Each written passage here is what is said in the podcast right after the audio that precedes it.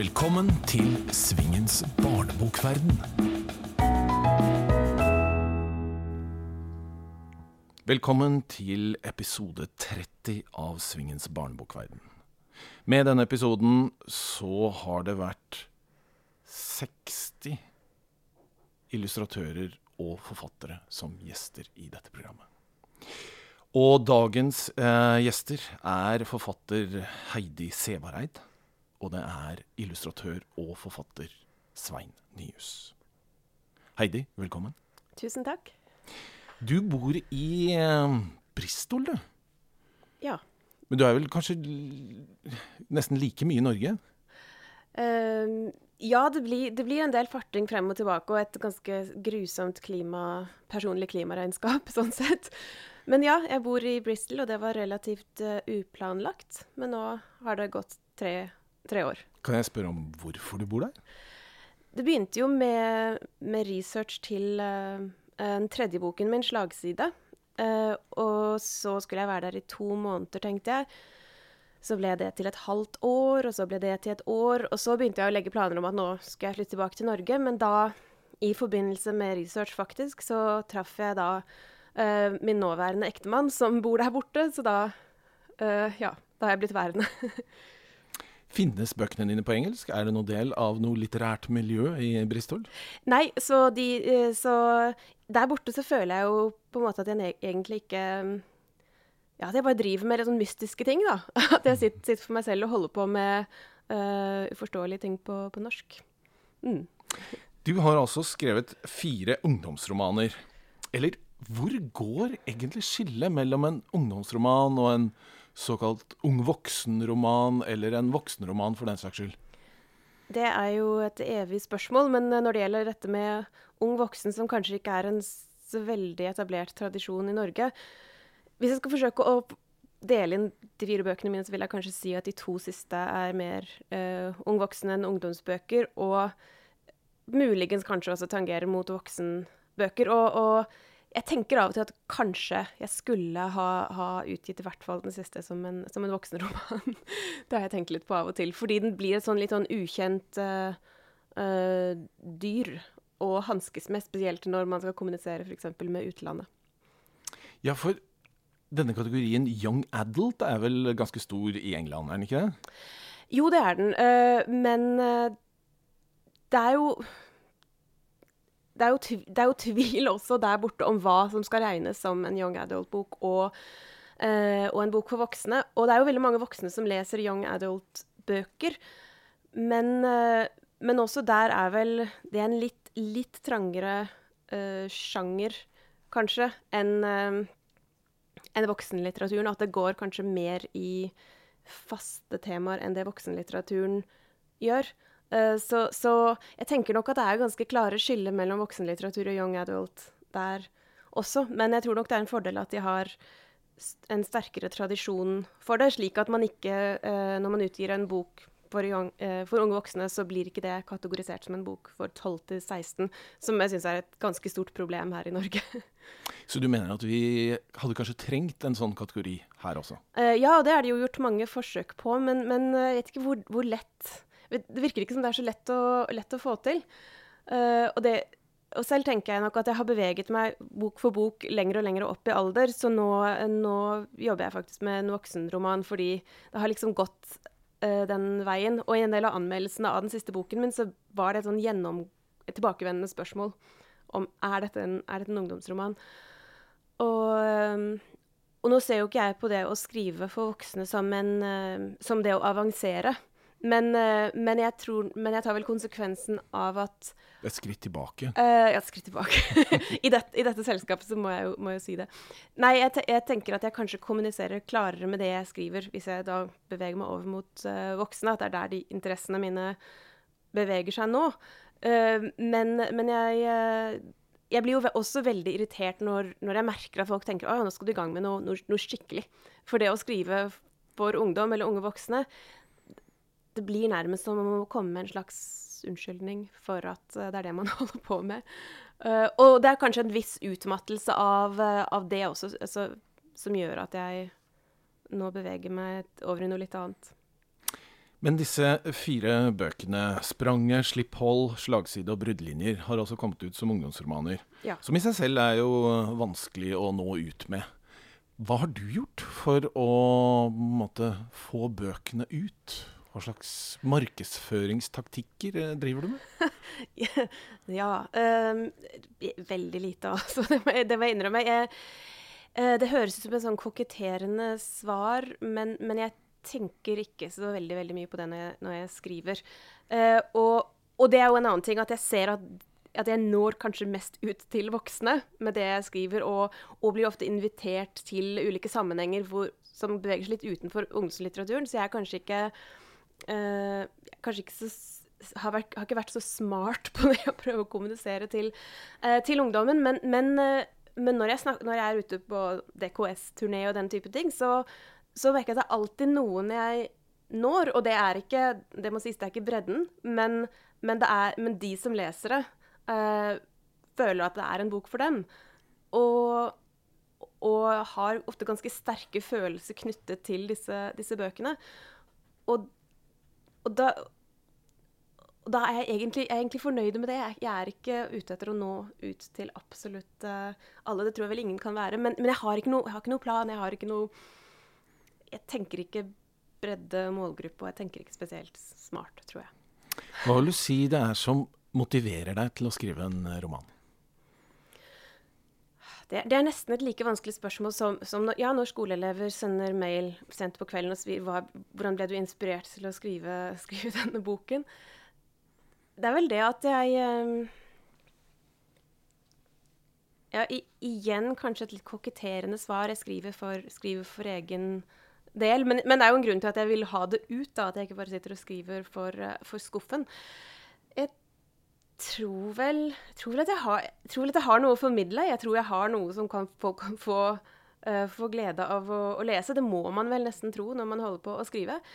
Men jeg kan ikke sitte og tenke på det når jeg skriver boken. Da er det bare et eller annet som, uh, som må frem. Og jeg skriver hele tiden både på ting som jeg har tenkt å gjøre noe med videre, og ting jeg bare må få ut. Så det er en måte å leve på, og en måte å utvikle meg selv på, tror jeg.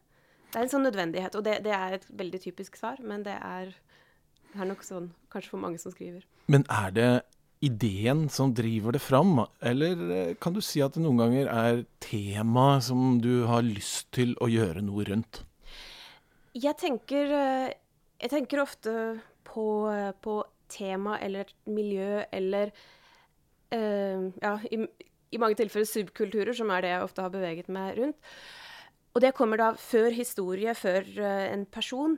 Men, uh, men så, så, så, begynner det etter hvert å, å, på en måte åpne seg en Eller romanen tar en slags sånn fysisk, uh, fysisk form. Og det, det, er jo noe av det jeg prøver å oppnå ved å gjøre research da, på, på, kroppen, som jeg ofte driver med. Jeg prøver, å, prøver for hver gang å finne en ny inngang til språket, en ny måte å, å, å skrive på.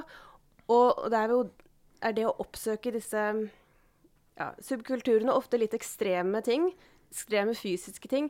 Det er for å prøve å øh, sjokke hjernen min litt til å komme på en ny måte å skrive på, og, og, på en måte finne opp språket, finne opp boken på nytt. Og det er det som er drivkraften, kanskje, mer enn enn storyen, for den kommer eh, til, ganske sent.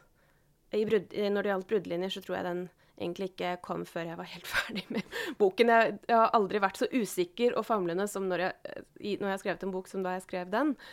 Men det, men, men det ble etter hvert selve prosjektet for boken. Å få til en slags sånn flytende kontur og skape en slags uoversiktlig følelse inni meg selv mens jeg skrev denne boken. Og dette var et veldig veldig vagt svar. Men, men det er en slags mystisk prosess for meg å skrive en, skrive en bok. Jeg, jeg, må liksom ut i ukjent, uh, ukjent farvann. Ja, for både ut fra det du sier og det du skriver, så virker det som du må vite veldig mye om det du skal skrive om, før du begynner å skrive. Ja, researchprosessen tar, tar, veldig lang tid. Men mens jeg da researcher, så sitter jeg ikke og skriver. Uh, og jeg noterer ikke. Jeg noterer aldri. Det, det syns jeg bare er forstyrrende. Jeg har det bare inn i hodet. Og så går selve skrivingen veldig veldig fort når jeg først, når jeg først setter meg ned. Men da har jo stoffet ligget og arbeidet ganske lenge. Men eh, jeg i, holdt, et seminar, holdt et foredrag i går om, om research, og da, da, snakket jeg jo litt om det å at jeg bruker mye tid på å få, få, detaljene til å stemme. Men for meg så handler den, den uh, researchen som jeg gjør ved å gå inn i nye miljøer, det handler faktisk mer om det å finne en ny, ny måte å tenke på, ny måte å skrive på, og, å bli personlig påvirket, enn det å bare få detaljene akkurat på plass. Det er jo den pragmatiske delen der også, men det handler mer om ja, min personlige skriveprosess enn det å få alt riktig. For jeg jobber jo ofte fram historien først, og jeg kan noen ganger skrive nesten hele boka uten å ha gjort research på noe som faktisk er relativt viktig i boka. Oi. Jeg kan godt uh, skrive den delen som jeg må ha research på, for nå er det ikke sånn at jeg, da kan jeg ikke ha en hovedperson som går inn i et stort miljø, selvfølgelig. Da må mm. det være mindre ting. Men uh, så skriver jeg det nærmest som sånn jeg tror det er, og så gjør jeg researchen etterpå og putter inn det som er riktig. Så du lager liksom rammeverket klart og Setter ja. noen åpne felter der du tror du må ha mer Men det er jo klart, hvis det er en som driver med suspension, så kunne jo ikke jeg eh, drive Da må det være en som driver litt med suspension. ikke har det som hovedbeskjeftigelse, da. Det er jo selvfølgelig forskjeller. Men sånne, sånne uh, bitte små ting. Noen som driver med et eller annet sånn poesi. Selv det bruker jeg veldig lang tid på. Så i denne boken om suspension så er det noen som driver med klatring. Og da måtte jeg, bruke, da måtte jeg lære meg det. Ikke at jeg uh, lærte meg å klatre, men jeg, jeg, jeg, tok noen økter med det.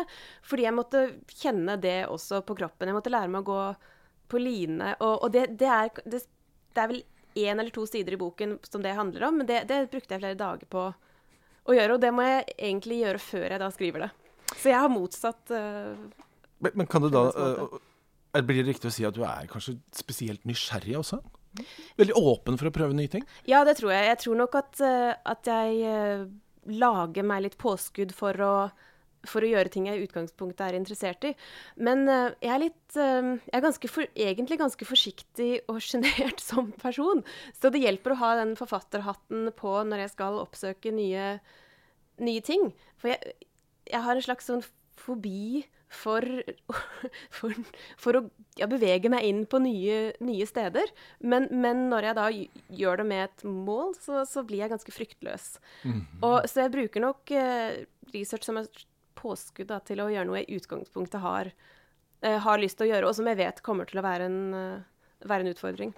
Men har du noen grenser for uh, hva du vil gjøre? Du, har du høydeskrekk, eller er redd for edderkopper, eller er det liksom sånne ting hvor Nei, det kommer jeg aldri til å Jeg skal, i hvert fall, jeg skal ikke skrive bok om edderkopper. Her om dagen så kastet jeg et glass ut av vinduet fordi, fordi det satt en edderkopp på det, og det knuste jo. Så, så jeg skal ikke, jeg skal ikke gjøre, gjøre, det. Men jeg har noen grenser uh, som går på trygghet. Jeg er veldig, veldig, redd for å skade meg. Jeg er veldig redd for å, uh, for å dø. Så jeg kunne ikke hoppet i fallskjerm eller uh, eller, eller sånne ting. Eh, suspension er jo, er jo, veldig, veldig trygt, da.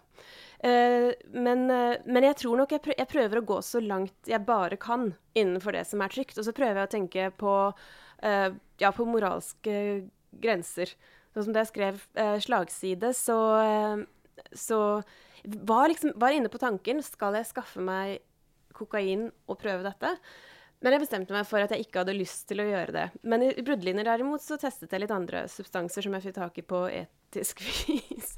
for, uh, for, å Ja. Så jeg, så jeg, går, så jeg går, nok uh, over de grensene jeg føler jeg moralsk kan krysse. Men, men jeg har ganske skarpe grenser likevel. Er det sånn at du slutter med disse tingene når du har på en måte gjort researchen? Går du, eller går, går du fortsatt litt på line, driver med krav maga, henger i kroker? jeg henger i litt i kroker uh, innimellom. Nå er det litt vanskeligere å gjennomføre fordi jeg, ikke, fordi jeg, bor i Bristol, og der er det ikke samme miljø ble, uh, som i Oslo. Men jeg tenkte nylig at det må jeg få gjort snart.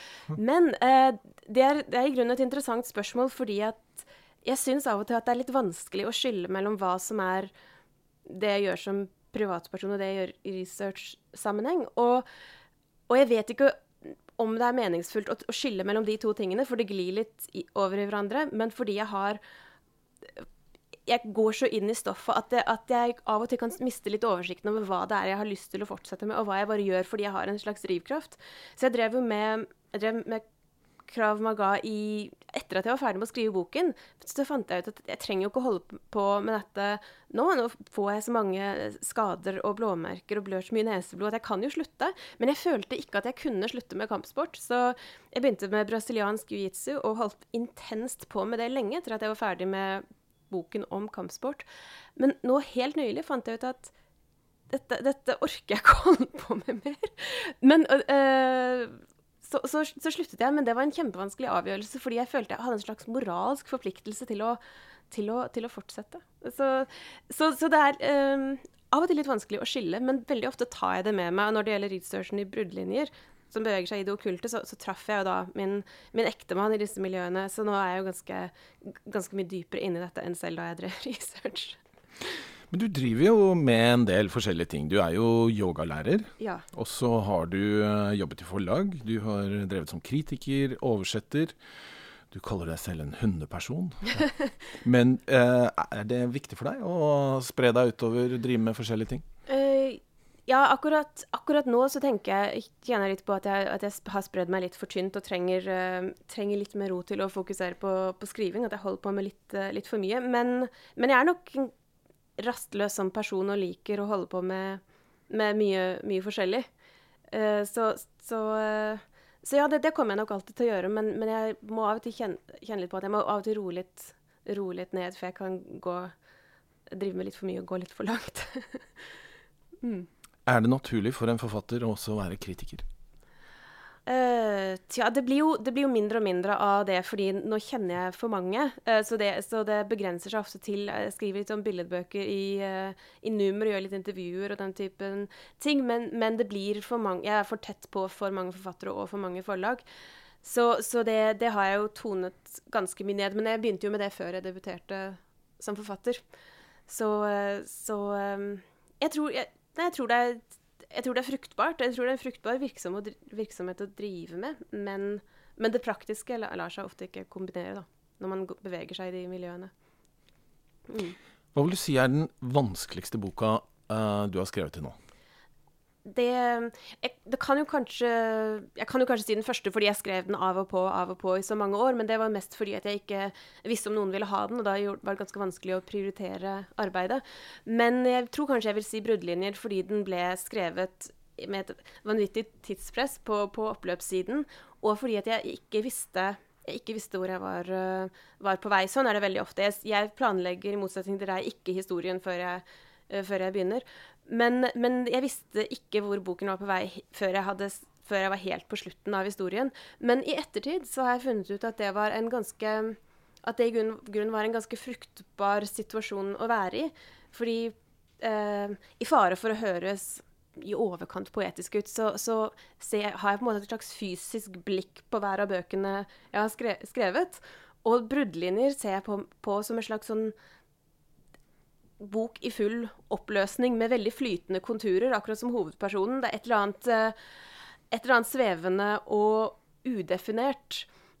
Og det var egentlig den situasjonen jeg selv var i mens jeg, mens jeg skrev, og også det jeg prøvde å oppnå av sinnsstemning mens, mens, jeg researchet ved å være på um, Burning Man-festival og ble, fikk heteslag og drive med ja, diverse psykedeliske midler. Og Glastonbury, som jeg regner med du har vært på? Vet du hva, det, det, er en hemmelighet, uh, men jeg har ikke vært der, og det var kjempevanskelig. Fordi at jeg fikk jo ikke billett, uh, det, for det er så vanskelig. Men så jeg brukte så mye tid på å granske dette kartet, snakke med folk som hadde spilt der, som hadde vært der. Så jeg tror at jeg kjenner det festivalområdet veldig veldig godt. Men, men de fleste tror at jeg har vært der, og det ser jeg på som en seier.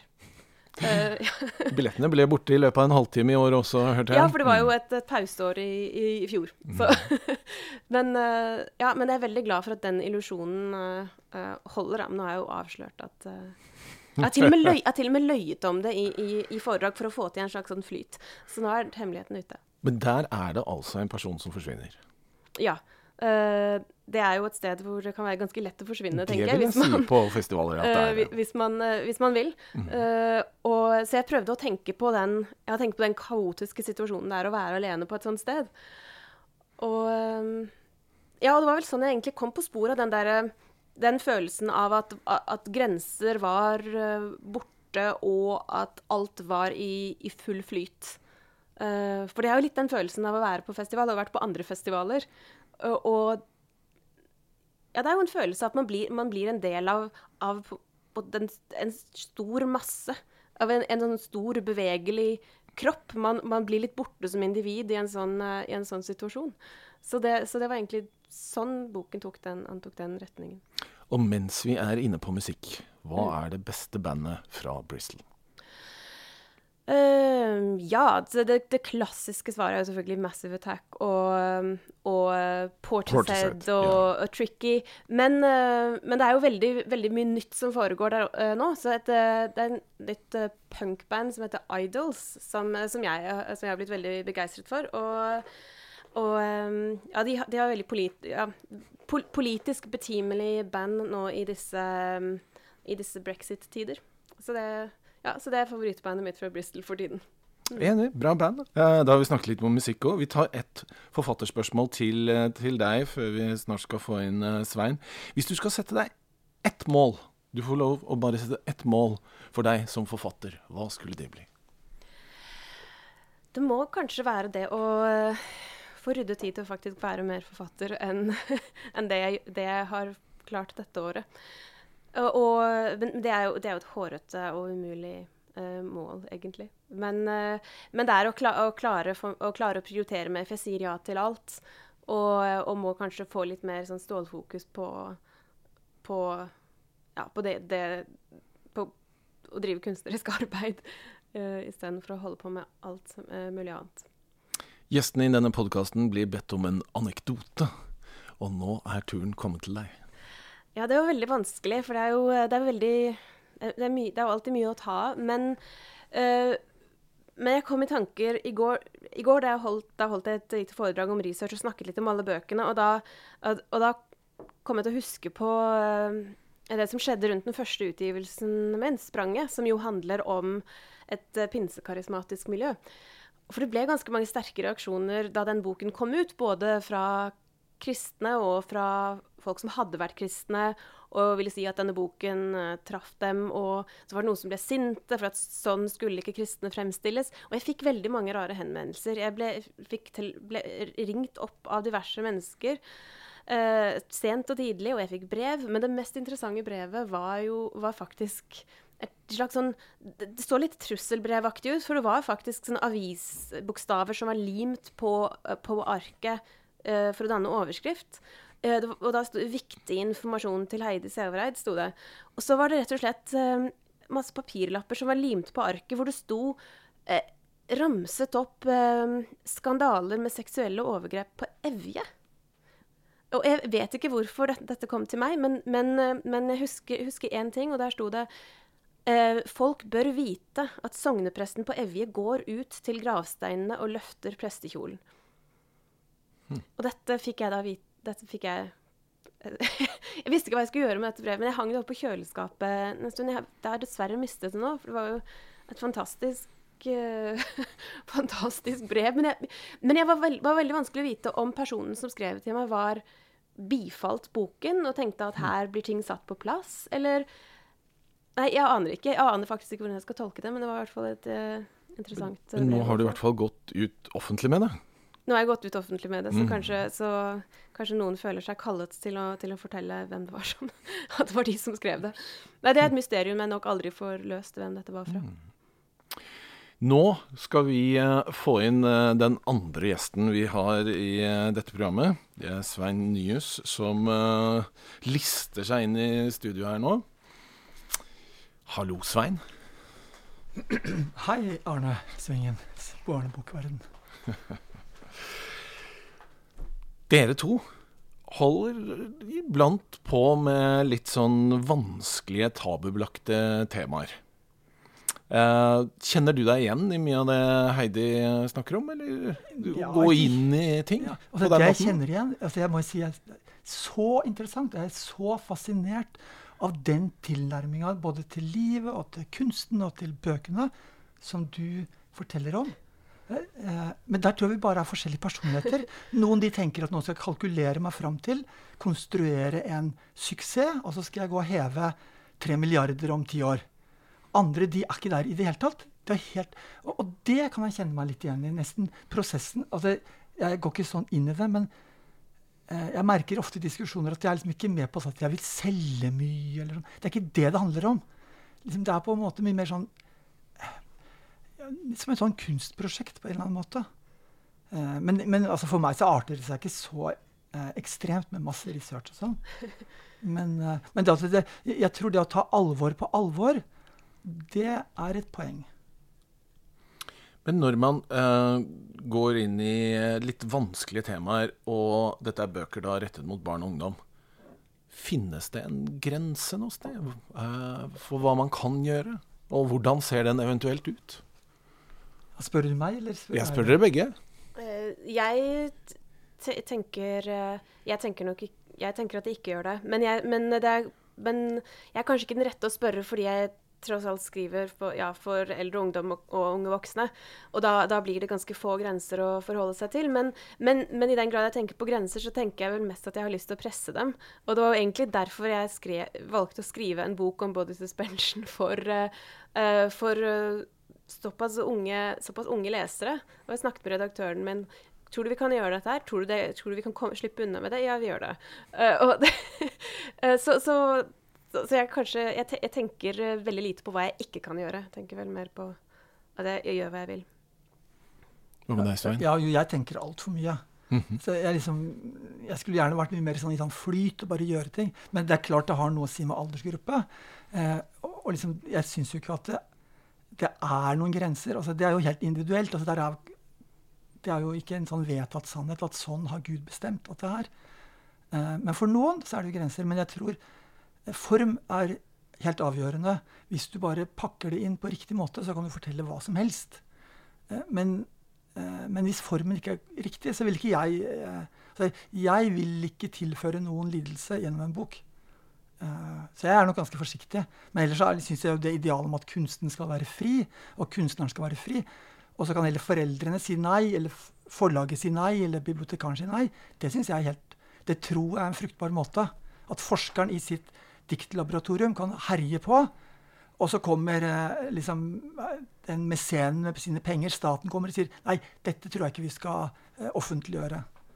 Uh, Men det er jo viktig å være forsiktig. Jeg er helt, uh, helt enig i det. Det hør, hør, hørtes kanskje ut som at jeg var helt uh, skruppelløs. Jeg, jeg, tenker over, jeg, tenker jo over, det at, at nei, man vil, jo, man vil jo ikke gjøre, gjøre skade. Men, men, grunnen til at jeg syns det er viktig for min del å presse eventuelle grenser, er at, at jeg, jeg, tror at den type Jeg tror at det har sin plass med his, historier som, som, beveger seg litt i, i yttergrensene. Og jeg tror, det, jeg tror, det, er verdifullt for de leserne det treffer. Og som sagt, jeg tror ikke, jeg, tror ikke treff, jeg treffer alle. Men, men, jeg tror at det må være sånne uh, historier også om ting som, uh, ting som er uvant, kanskje sjokkerende, vanskelig. Uh, noe som kan ja, ja, presse, både, ja, presse leseren litt ut av uh, tankebaner de kanskje har hatt før. Det, det, tro, det, det, er derfor jeg gjør det. Det er ikke for sjokk, uh, sjokkverdi, absolutt. Men som sagt, jeg skriver jo ikke for barn. Ja, men jeg tror, du, Heidi, jeg tror du tenker egentlig Eller jeg vet ikke om du tenker mye, men, men du er veldig bevisst på Nei, nei for det, det, kan man, det høres ut som at du Men det at du forteller at du føler og fornemmer, og du er i det liksom sånn fysisk med kroppen og sånn, Du tenker like mye med, med stortåa som med hjernen, kanskje. At du er i det her. Nå henger du, du kjenner tyngden, tyngdekraften og sånn. Men jeg tror at du har et veldig sånn anstendig, moralsk, etisk forhold til stoffet ditt. Det er bare forutsetter jeg. Jeg, jeg tror det, ja. Jeg håper det. Altså, det er ikke noe farlig. Altså, du er ikke den spekulative typen. Det virker i hvert fall ikke sånn. Hvem vet? Nei, det er det hvem vet. Kanskje du egentlig er en sånn eh, forfatter om dagen, og så om natta da er du en sånn mare eller noe sånt. Jeg sier, jeg sier ikke mer. Men Svein, eh, ja. nå får du noen gang lyst til å skrive lenger? Jeg ser f.eks. at Anna Fiske nå, som har jo skrevet, for, og har skrevet ungdomsroman Eh, er det noe med noen illustrasjoner? Hadde det liksom vært mulig for deg? Det, det er et annet spørsmål. Hadde det vært mulig? Vi har diskutert en sånn husker gang Noen illustratører diskuterte hva er, hva er et absolutt krav for å være illustratør. Er det å tegne godt, eller er det å kunne beherske farger og sånn? Det enkle svaret var at man må være leveringsdyktig. Altså, du må kunne levere til tida. Og der er jeg ganske dårlig. For jeg surrer så fælt. Og jeg har tusenvis av ideer hele tida. Så det er litt sånn nesten frustrerende at jeg føler at jeg har egentlig eh, sånn eh, evner eller muligheter til å gjøre mye rart. Eller det vil si, jeg har mye rart i meg som jeg ikke Jeg veit det, det, bare forsvinner eh, i eh, surr. Og det er greit. Altså, det er ikke vits i å klage over det når Jemen brenner, eller hva det var. Hva med deg, Heide? Kunne du skrevet kort? Fortelle en historie hvor det er mye illustrasjoner? Ja, jeg har tenkt, eh, tenkt, mye på det. At jeg kunne faktisk eh, Ja, at jeg kunne ha lyst til det. Uh, nå det er, ikke, det er, ikke, noe i anmarsj akkurat nå, men jeg, men jeg tenker uh, Jeg tenker ofte på det, faktisk. Uh, og det, og det Igjen, jeg har lyst til å bruke mer tid på, på å skrive for å da utforske ja, hvilke retninger jeg kan, kan gå i. Så, så, jo, den tanken er absolutt der. Jeg har bedt dere om et spørsmål til hverandre. Skal vi begynne med ditt spørsmål, Svein, til Heidi? Ja, altså det er tusen ting jeg kunne spurt om nå. Hører, eller, det jeg tenkte jeg skulle spørre om, da, er eh, hvis du har Hvis du ser framover eh, altså, Sånn som du framstår for meg, er at du er liksom nysgjerrig på mange ting, og du eh, prøver deg fram, liksom. Men er det sånn at du har en drøm liksom, om 15 år, da er du 50. Er det, stemmer det? Cirka? Uh, Nei? Nei. Hvor er du da? Da er du 63? Jeg, jeg, ja, jeg er 35 nå. ja, Om 15 år, er du ja, da, uh, Jo, da blir jeg 50. Ja, ser du. Grøss! Jeg så liksom for meg at, at, jeg var mye yngre, men det er jeg ikke. Uh, du har helt rett. Om 15 år bare, så er du 50 år. Ja. ja. For en skremmende tanke, men du har helt rett. Jeg er 50 men det, år. Og... Har du liksom et Hvor er du da? Har, har, du liksom en drøm, sånn helt ultimat drøm som kanskje ikke engang er realistisk? Har du noe sånt? Jeg håper vel at jeg er um, At jeg er mer ute i verden med, med bøkene mine. Og det, det, tenker jeg jo mye på, særlig siden jeg ikke bor i Norge. Og, og det, det, er jo også en av grunnene til at jeg tenker tenker at jeg må, må, kanskje begynne å skrive litt annet enn ungdomsbøker. fordi at de, de bøkene beveger seg så i grenseland. Det er liksom det er veldig vanskelig å, å, få dem ut. Og nå har jeg jo vært med på veldig mange satsinger. Jeg var med på dette Norlas uh, talentutviklingsprogram og sånn. Men, men, man kommer liksom ingen vei til forlag som skal utgi for yngre, eller de skal utgi for voksne. Det er helt sånn i midten. Så jeg tenker nok Så, så i den grad jeg har noe sånn Prøver å tenke lurt og markedsrett, så tenker jeg at, at, at, jeg vil nok litt ut av Norge, særlig siden jeg ikke bor i Norge og kanskje ikke kommer til å gjøre det på, i overskuelig fremtid. Så, så eh, For, for det, er det er litt det er en pussig følelse å være, være, i et annet land. Jeg føler, jeg føler at all, hele profesjonelle livet mitt er her, og jeg skulle gjerne fått det litt, litt andre steder. Mm. Også fordi det ofte kan nesten være litt demotiverende å, å sitte, ja, sitte for seg selv og, og pusle med, med, ting folk ikke aner hva er, folk rundt meg. Mm. Vi ser jo stadig vekk at det er en del forfattere som utgir én, to, tre, fire bøker, og så slutter de å skrive. Du ser for deg at du eh, fortsatt er forfatter om 15 år. Ja, det er, utenkel, det er utenkelig å slutte å skrive. Uh, det, det, er jo ingen Altså, ingen kan jo vite hvordan ting ja, Så lenge folk fortsatt vil ha det jeg skriver, så, så kommer jeg nok absolutt å fortsette. Mm. Da tar vi spørsmålet ditt til Svein. Ja. Uh, jeg, får, jeg, får, jo veldig lyst til å spørre om det samme, men uh, det, det, jeg lurte på, var Hvilke andre kunstformer enn en din egen synes du er inspirerende når du jobber? Selv ble jeg veldig inspirert av musikk, så jeg lurer på om du har noe tilsvarende? Nei, jeg, altså Egentlig ble jeg inspirert av alt badasje i do.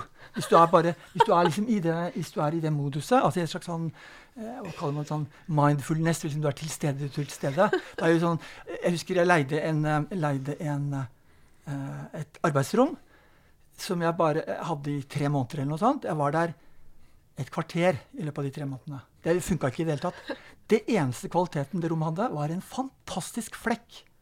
Den flekken var bare utrolig fin. Så den sto jeg så på et kvarter, og så gikk jeg aldri dit mer. For det, ja, det funka ikke. det var liksom. Men andre kunstformer Jeg er ikke så veldig opptatt av musikk. det merker jeg, og jeg vet ikke helt hva det kommer av. Det, også, det er gøy med musikk, men jeg tror det, det, spiller på så mye følelser at jeg klarer ikke helt å kontrollere det. Mm. Eh, det er lettere med f.eks. når jeg sitter og tegner, det er et håndverk, så er det ofte vanlig å, eh, å liksom la seg flyte hen med en lyd. Men da må det ikke være musikk, fordi at da plutselig Eller jo, det, jo, det forresten, det kan være det. Jo, forresten. Jeg tenker om. Det var noe sånn Nina Simone-greier. Når jeg tegner en bord. snill. Det er liksom ja, sånn musikk-onani. Du bare spiller den samme på repeat. Bare for å holde den intense stemningen. Men det, ja, det er mye, mye inspirerer. Fint. Vet du hva, Heidi? Da skal vi si tusen takk for at du kom. Takk for at jeg fikk komme. Da skal vi nemlig konsentrere oss uh, helt og holdent om deg, Svein. Og først så må vi eh, snakke litt om familie. Fordi du har jo da en uh, kone. Trenger jo, Gro trenger jo ingen introduksjon, som selvfølgelig er jo forfatter. Du har eh, en datter som heter Kaja, som er både illustratør og forfatter. Og så har du Simon, som er illustratør. Og så har du selvfølgelig broren din Egil, Ja, ja, som er jo hva, hva skjer hvis noen sier at hei, hallo, jeg har lyst til å jobbe i butikk eller bli ingeniør eller i familien? Det ville vært flott. Men, men sånn som det ligger an nå, så får jeg kanskje ikke flere barn. Så at, at de barna jeg har, de tror ikke Jo, det ville vært helt fint, det. Men, men det er jo så enkelt, og det skjønner man jo liksom for litt livserfaring, at det er ikke tilfeldig at smedens sønn ble smed. Eller at det ligger liksom eh, Ja, pappa er advokat, og bestefar var advokat, og jeg skal bli advokat. Det er klart at det påvirker det. Eh, altså Både miljøet påvirker, og genene påvirker. og eh, Ja, for de har jo vokst opp eh, med at det naturligste i verden er å skrive og tegne i Ja. bøker. Ja. Og, ja, og så er det jo ja, mm. Altså Hvis man som foreldre kanskje skal gi noen råd, eller noe sånt, det er det faget vi kjenner, eller eh, Men uh, bruker dere hverandre som konsulenter? Er det liksom gir Nei, innspill ikke, og jo, jo, jo, forresten. Det gjør vi jo. Men det, det er så uh, liksom Liv og jobb går så i ett. Eh, jeg pleier alltid å si at jeg er liksom bestandig på jobben, og besta, har bestandig fri. Det er så innvevd. Så det, jo, det er klart at vi eh, diskuterer hverandres ting og sånn hele tida. Eh, men ikke kanskje sånn Jo da, forresten, vi gjør det. Kan du se nå her? Eh, kanskje ikke jeg viser fram. Jo, jeg viser også fram. Eh, ja, men tekstene til Gro de viser hun ikke fram til meg på forhånd. Men når jeg først får de, så kan det være sånn jeg reagerer på ting. Eh, og hun har en evne til å eh, Hun er ekstremt fleksibel. Så hvis jeg sier at det er lagd noe helt annet, så gjør hun det. Derfor så sier jeg ikke det. Så det er sånn dere jobber sammen. Betyr det også at hun nærmest har et manus som hun ikke har fortalt deg om? Som, eh, Ja, nesten. Ja. Mm. Og hun er også sånn masseproduserer. Sånn at hun har sikkert masse manus på gang. Så det var liksom å hente. Altså bare passe på å liksom få, eh, ja, få sånn innkjøps... eh, eller tenke i forhold til sånn praktisk i forhold til, eh, Du kan ikke utgi liksom uendelige bøker, og særlig ikke hennes bøker. De selger jo ikke sånn kjempemye. Men når en først velger den litt sånn smale, smale tematikken, kanskje, med litt sånn alvorlige og sånn, så ser jeg at det det selger ikke kjempegodt, men det selger heller ikke ekstremt dårlig. Altså Det å prøve å tenke at nå skal jeg lage en kjempesuksess, nå skal vi ha alle elementene som trengs, det skal være humor og spenning og morsomme figurer Jeg tror det er nesten lettere å mislykkes i det. for Det er faktisk kjempevanskelig å få godt. Men hvordan er din tilnærming når du får dette manuset? Hvordan jobber du da? Da får jeg det, og så leser jeg gjennom og lager små skisser, og da, liksom, da sprudler det og lever. Og da, det er jo det aller morsomste. Det er liksom sånn åh, Så mange muligheter. Eh, og liksom når jeg først ja, kommer inn i et sånt modus, så er det jo lett å bare fortsette på det. og liksom jeg tror at jeg er veldig lett for å komme på ideer og liksom sånn påfunn. Eh, altså, altså, ja, sånn, eh, assosiasjoner rundt det. Men så skal det her liksom støpes, formes, hogges eh, eh, ja, Eller tegnes, da. Og det er en ganske stor jobb. Og da er det viktig å lage noe som du har ork til å holde på med så lenge. Men akkurat den kreative sprudlefasen, den er veldig, veldig morsom. Og da forkaster du mye underveis? Ja, altså, det, det, Jeg tør ikke å fortelle hvor mye jobb jeg gjør med hver bok. Det er helt ekstremt mye jeg har som jeg bare forkaster. Og så ender det opp også ofte sånn som Det har vært sånn stort sett som jeg har gjort før. Men jeg er innom veldig, veldig, veldig, veldig mye. Men blir du veldig selvkritisk selv Ja. etter at de har kommet ut? Sånn at du tenker at 'Å, herregud, jeg kunne gjort dette litt annerledes'? Jo, men det kunne jeg jo. Ja, men, men, det kan du alltid. Ja, det kan man jo alltid. Nei, så det driter jeg i. Nei, kjære deg. Mm. Det, men før kanskje kunne tenke sånn, men eh, nå tenker jeg ikke sånn. Er... Men når du skriver om de altså, Eller tegner ganske eh, vanskelige temaer, mm. uh, er, hva slags prosess er det? Altså, er det liksom For der skal man Altså, du skal fortelle ganske mye i de illustrasjonene, men du skal likevel fortelle det for barn. Ja. Men, men, men, men ja, Prøver Kanskje. du det ut på noen barn noen gang? Nei, Nei. ikke søren. Eh, men eh, det er også litt sånn Jeg skal det være for barn, eller skal det ikke være for barn? Jeg er ikke så redd for eh, Jeg merker jo at vi har forskjellige personligheter, og jeg er nok en sånn som ikke er så redd for eh, et sånn kunstnerisk eksperiment. Eller bare et eksperiment. Send det ut, kanskje det blir mislykka. Det gjør ingenting. Jeg ser nesten på deg og meg og Heidi som et Altså, det er et fellesprosjekt. Vi bygger livet, vi bygger samtida vår nå. Og den består ikke av Det er ikke sånn dypetsa Arne Svingen-bok. Du har alle liksom, gatebildet og alt rundt. Vi henger sammen, alle sammen. Så i det store, store bildet så er lille Svein News med sine egentlig ikke så veldig sære prosjekter, men litt sånn eh, altså, Vi tilfører smaker i den store gryta, som er liksom li livet, da. Eh, så derfor så tenkte jeg at det er ikke så farlig om det ikke blir sånn perfekt. Men det blir en impuls. Uh, ja. Når du eh, ikke lager egne bøker og ikke jobber med Gro, så eh, er det en ganske stor spredning på de du har jobbet med. Det er jo da uh, Ylvis-brødrene, det er Märtha Louise og det er André Bjerke. Så Ja. jobbet du vel aldri direkte med han, selvfølgelig, men du har jo illustrert morovers. Eh, hvordan velger du de prosjektene? De, de har liksom vært sånn, alle de har hatt en eh, litt sånn tilfeldig tilblivelseshistorie. Uh, uh, og eh, ja, det har vært litt tilfeldig, egentlig. Men jeg ser etterpå så er det påfallende at eh, eh, jeg, jeg skjønner jo at disse prosjektene her, de f.eks. Eh, kan kanskje betale seg. Da, da kan jeg da kan jeg få lov Eller da kan jeg gi meg tid.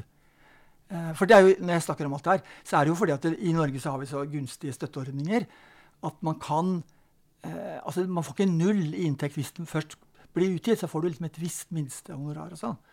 Eh, men eh, eh, Og så er det morsomt med sånne prosjekter som er litt, litt annerledes enn det jeg kanskje holdt på med ellers. Ja, jeg kan si masse sånne detaljer om de, men det Ylvis-prosjektet, f.eks., det var jo det skjedde faktisk så fort som altså ting, jeg, fikk jo masse reaksjoner på at dette var sånn skvip og sånn, det er jo greit. Men at det var veldig kalkulert på forhånd, og det var det ikke.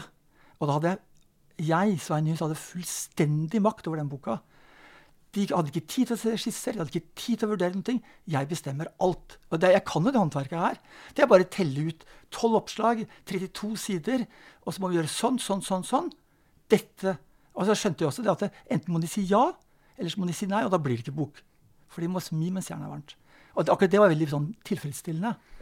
Eh, også det at det var liksom veldig tullete. Eh, det var en sånn fin kontrast. da. Eh, men den Märtha-boka var også litt morsom, fordi jeg tegna til Märtha Louises kongebok en gang i 2004 eller noe sånt.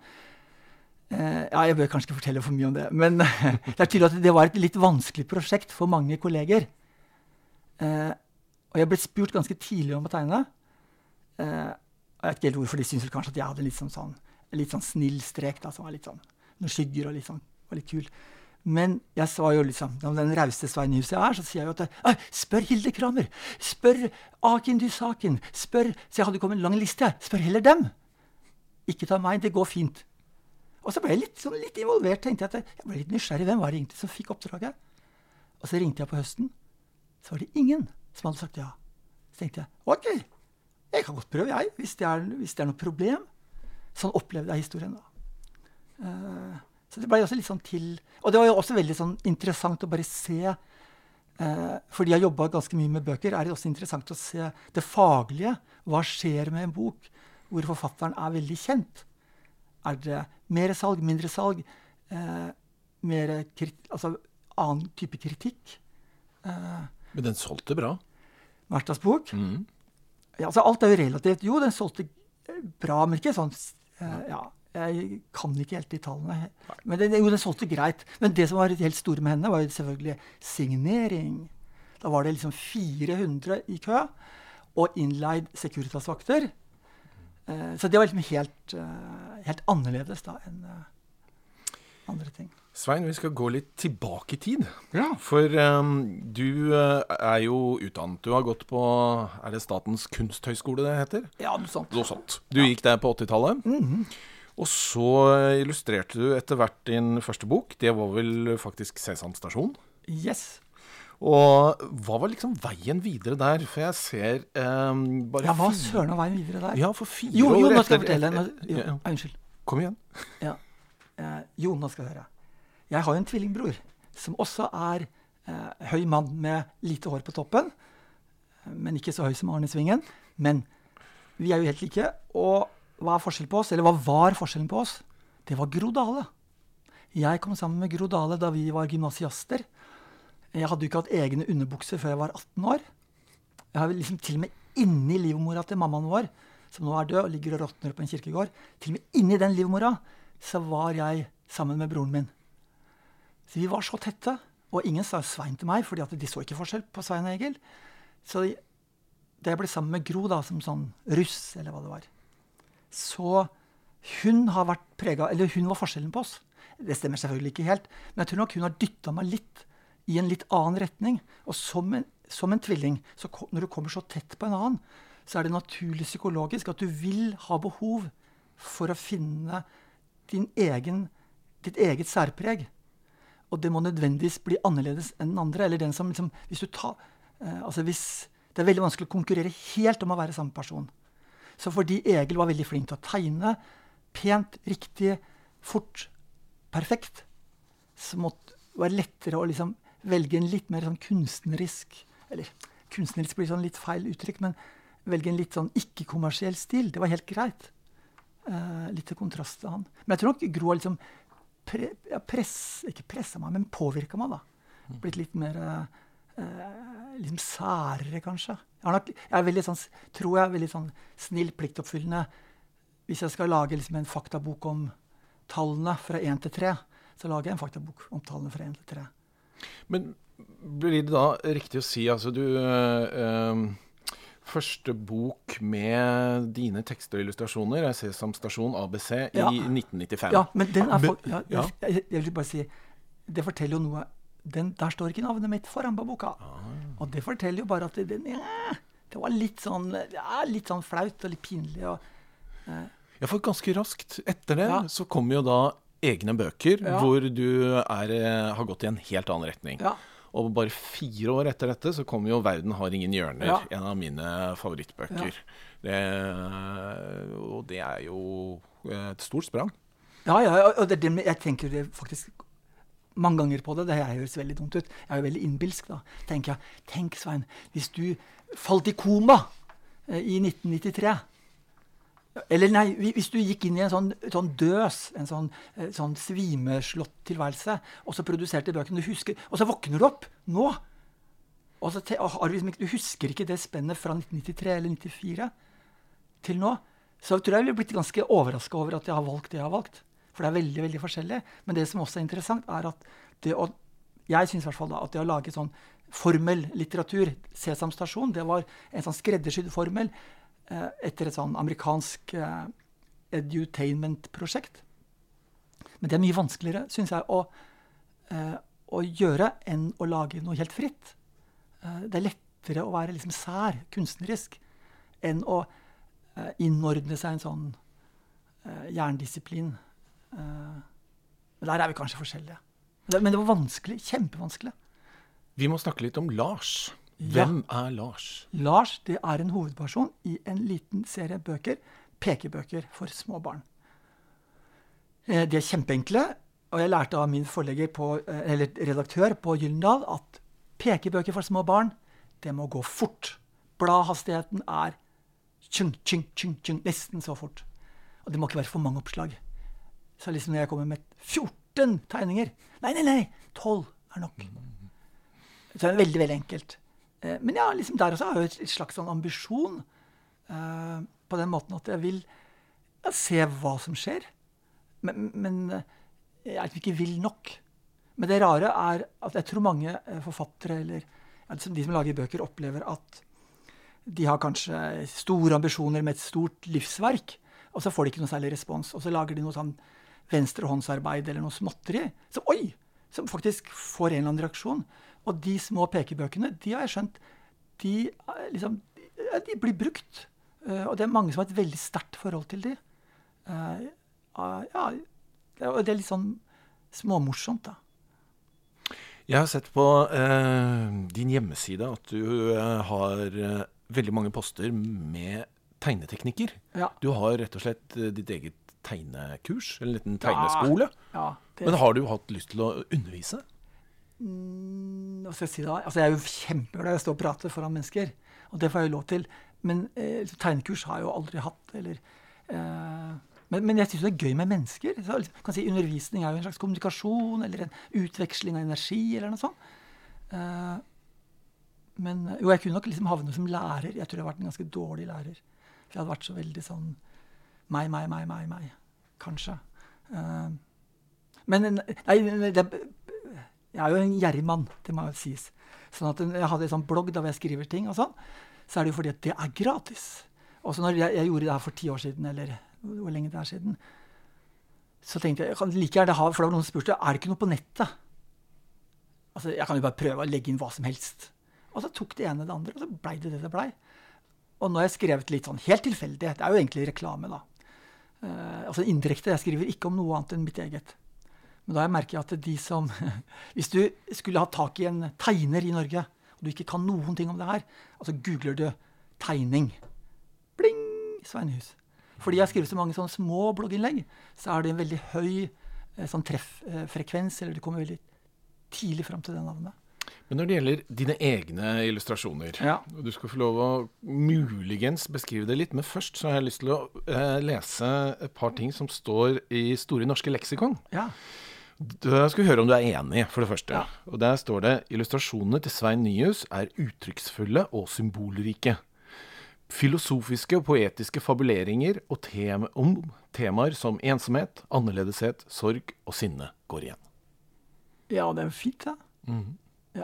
Men hvis du selv skulle beskrive dine Nei, men jeg syns det var jeg, jeg, Du, du, du holder ja. Jo, men jeg, jo, men jeg syns det var fint. Men jeg skulle beskrive det. Nei, jeg tror kanskje at det er, det er liksom forseggjort. Eh, og så er det ganske lett å se hva det forestiller. Samtidig så er fargene Og det er litt sært. Det er liksom, eh, det er liksom en, en sånn trygg, eh, trygg matrett. Det er pølser, men det er liksom eh, krydderpølse, da. Det er noe inni der som er liksom, litt sånn sært. Eh, men, men, jeg liker veldig godt forskjellige ting. Eh, så det gjør jeg jo helt bevisst at hvis jeg har lagd en bok som er ekstremt enkel Jeg lagde en for et par år siden sjøl, som jeg var veldig fornøyd med, egentlig. Eller litt fornøyd med. Jo, veldig fornøyd. Den lagde jeg liksom i løpet av to dager. Oi, yes, jeg klarte det. Veldig, veldig, veldig enkel. Og så lagde jeg noe nå, i år, og da er den helt motsatt. Masse skygger og detaljer og pirk. Og det er liksom det derre spennet mellom kontraster er nok litt sånn eh, er nok litt sånn karikert, tror jeg. Eh, og det er mye armer og bein og masse sånn uro, da. Og det tror jeg også kan se bildene, at det, det, er mye som skjer. Det er masse jeg vil si. Eh, litt sånn teatralsk, patosfullt, oppstilt tablåer. store linjer og sånn. Men ikke Ja, litt. Om bøkene til ja, særlig eh, Gro og dine bøker, så ja. blir ofte begrepet allaldersbok brukt. Ja. Hva tenker du om det begrepet? Nei uh, Det er helt greit. Altså, noen har sansen for det, noen har ikke sansen for det. Det var vel kanskje særlig Jon Fosse tror jeg, som begynte med det her på 1996. eller noe, Jeg husker ikke historikken. Noen liksom irriterer seg over det. Noen, men, men, tanken er jo den samme. At det er sånn uh, crossover-litteratur hvor du uh, kan Det kan eh, Det henvender seg til alle aldre. Det blir litt som vitser. Liksom en 95-åring kan humre over den samme humoren som en femåring kan humre over. Eller kan liksom nyte det samme måltidet. Da, at det, 'Nå kommer barnemenyen.' 'Nei, nei, bestefar, ikke smak.' Altså, det er mye bedre hvis det er liksom Eller ikke bedre, men man må tenke seg mat da, som er for alle aldre. Og det er kanskje, Jeg sammenligner ofte litteratur med musikk og med Eller altså, kunstopplevelser sammenligner jeg med musikk og med mat. Det er smaker, og det er opplevelser. Eh, og særlig litteratur liksom henvender seg jo til, intellektet, sånn at det er lett å begynne å, å gruble og prøve å forstå. Og da tenker jeg at hvis du hører en kul Macarena Når Arne hører Macarena, da driter han i om ikke kan all spansk, uh, all spansk uh, grammatikk. Da bare må rumpa bevege seg. Nei, var det flaut? Altså, nå sa jeg, sa jeg ikke Nei, Svingen. Det er Arne. Ja, ja. Det, stemmer gamle, helt, selvfølgelig. Det gjør det. Ja, mm. Men uh, altså, mener bare at uh, det å kunne oppleve har en egenverdi. Man trenger ikke å forstå. Veldig mange er sånn Man skal forstå, forstå, forstå. forstå. Du uh, har snakket litt om broren din Egil. Ja. Og jeg har jo etter hvert lært meg knepet med å, å skille dere. Skal vi lære det til alle andre òg? Ja. Lære det bort? Ja, nå kommer det. Ja. Svein og Egil Nyhus er to tvillinger. Den pene, det er Svein Nyhus. Den pene er Svein Nyhus. Repeat after me, please. Den pene er Svein Nyhus. Nei, jeg bare tuller. Nå. Eh, det er noe med tennene, vet du. Jeg har ja. ikke fått alle tennene mine. De kom ikke. Du har et mellomrom. Ja. Diastem. Mm. Er det det det heter? Det heter diastem. Hvis du har sett på hestekraner, det kan ja. man finne i sånn jord og sånn, så er det veldig lang avstand mellom liksom, de bakre jekslene og liksom foran på hestekraniet. Ser du det for deg? At det er sånn spenn der uten tenner. Det er også diastem. Så jeg har sånne ja, glipe. Men dere reiser jo mye rundt sammen og har ja. et slags tegneshow, har jeg skjønt. Yes. Mm. Jeg tror jeg har sett det òg. Ja. Mm. Fordelen med altså, Det er jo sånn som hvis man lager bøker, så blir man ofte spurt, særlig barnebøker, om å fortelle eller lese for barn. Eh, og det har vi også blitt spurt om. og så reiser vi rundt og så, ja, Vi har holdt det så mange ganger. Det er sånn pinlig. Men noen har spurt oss hvorfor gidder dere det her. Og da måtte vi tenke. Da fant vi ut at vi gidder å reise rundt og fortelle den samme historien. Tegne på tavle og tulle og leke. Vi gidder fordi at vi syns barn er så hyggelige. Vi merker at vi gir noe til dem, og dem gir noe tilbake. De har det fint, og vi har det fint. Og så får vi honorar. Diett. Så det er klart, pengene betyr noe. Mm. Uh, men ja. Jeg har uh, også bedt deg om en uh, historie ja, fra ditt mangslungne virke. Ja, mangslungne virke, ja. Blir det en turnéhistorie, eller har du noe Nei, annet? Jeg, eh, egentlig har jeg to som jeg litt lyst til å fortelle. Kan jeg fortelle det? Skal det være veldig kort? Ja. Rekker vi det? Ja. Den første tror jeg har fortalt til deg før, men den er så fin. Fordi at som da illustratør og forfatter og sånn, så er man i noen miljøer på forlag, og det er helt sånne festligheter og sånn, og da kan det komme mennesker som selger bøker, eller de er bibliotekarer, de kan mye om litteratur. Og de er veldig opptatt av litteratur. Og for dem å møte en ekte forfatter som de kanskje kjenner veldig godt gjennom bøkene, det er en stor opplevelse. Og jeg var på Gyldendal, og det var gjester, forfattere og forlagsfolk. Og noen innbudte eh, Jeg tror kanskje de jobba i butikk. Eller så var de på bibliotek. Iallfall så ser jeg de er der, og de er to litt godt voksne damer, og de har briller begge to, og de står tett sammen. Og de ser bort på meg, og jeg ser at de ser på meg. Og nå har vi liksom øyekontakt. Er det flørting på gang? Hva er det for noe? Og liksom, de nærmer seg meg. Og jeg skjønner de vil si noe, men de må bare vente litt, for det er en annen som har audiens akkurat nå. Og så når den er ferdig, og så kommer de to fram, så ser de på meg, og de tindrer i øynene. Og så ser, sier de til meg Er du Arne Svingen? og da må jeg jo si nei. Jeg er jo ikke det. Men det er, liksom, det er litt sånn pre eh, eh Altså før internett var helt til full blomst. Mm. For da hadde jo de googla deg. Da hadde du vært på alles leber. Jeg har, ja, du har fortalt den før. Ja, men, men den syns jeg er ganske fin. For ja, den forteller ja. jo det både om min egen innbilskhet, men også om den begeistringen av litteraturen. Den siste, veldig kort. Veldig kort. For nå, jeg skjønner jo det at Heidi Sevareid hun har sikkert opplevd veldig mye kult i sin research i forbindelse med forfatterarbeidet. Men jeg har også opplevd sånne småting, men jeg glemmer det jo. Men en litt sånn rar greie Du nevnte hun Märtha Louise. Jeg tegna til en bok for henne. Hadde veldig lite kontakt med henne. Jeg tror jeg møtte henne to ganger eller noe sånt, mens den var liksom ny da. Og hun var ja, distansert og formell og sånn. Helt greit. Men et par år etterpå så skulle hun reise til eh, Norsk-Amerika. Og så spurte hun har jeg lyst til å være med der. Det var et lite sånn mann og kone-forlag der. Og hun dro, og jeg ble litt sånn med som en sånn bifigur. Iallfall Svein Nyhus, illustratøren, i Midtvesten eh, hos en sånn eh, typisk amerikansk familie. Eh, litt sånn ja, godt voksne. Hun var av, norsk avstamning, da. Og det er påske, for det er jo lett å reise i påsken, og der er vi. Og det er jo fader på første påskedag, det er jo påskemorgen. Vi må jo i kirken. Og vi drar i kirken, og det er jo den kirken, den menigheten de tilhører, i Minnesota, eller, og i Minneapolis der. Og så sitter jeg i kirken, og ved siden av meg sitter Ari Behn, og så sitter eh, liksom livvakten til uh, prinsesseparet. Og liksom, Det er jo veldig kult å være i amerikansk kirke på påske. Jeg er jo ikke kirkegjenger i det hele tatt. Og så er det nattverd. Eh, og alle skal jo fram og ta nattverd. Og, liksom, og der er jeg og blir pressa ut. Og han politimannen han liksom så litt sånn rart på meg. Liksom, ja, ja, vi må bare være med på leken. Tror, og da var det liksom valget Skal du ha den kjeksen eller den kjeksen? Nei, forresten, kjeksen var bare ett valg. Men det var liksom to valg i, i uh, vin. da. Alkohol uten alkohol. Og jeg tok uten alkohol. Men hva Arben tok, det skal ikke jeg fortelle. Men jeg så det, for han var foran meg. Så det å liksom være på nattverd med prinsessefamilien i USA Det er liksom sånn en rar vei fra det å sitte og tegne. Uh, men det var ikke noe mer enn det, da. Jo, jeg fikk, jeg fikk allergi etterpå. Du gjorde det, ja. ja. Hadde noen sånn fæle amerikanske hestepiller. Der har de helt andre sånn, lovgivning, så da kan de gi sånne fæle medisiner. Så ble det borte. Tusen takk, Svein, for at uh, du kom. Ja, takk for meg. Takk til Heidi også. Og helt til slutt, takk til uh, Cappelen Dam for uh, lån av studio. Takk til Kulturrådet, som nå har gitt støtte til uh, Svingens barnebokverden. Og vi er tilbake om under en måned. Yeah! Og da er gjestene Linn T. Sunde og Lena Lindahl. Du har hørt på Svingens barnebokverden med Arne Svingen.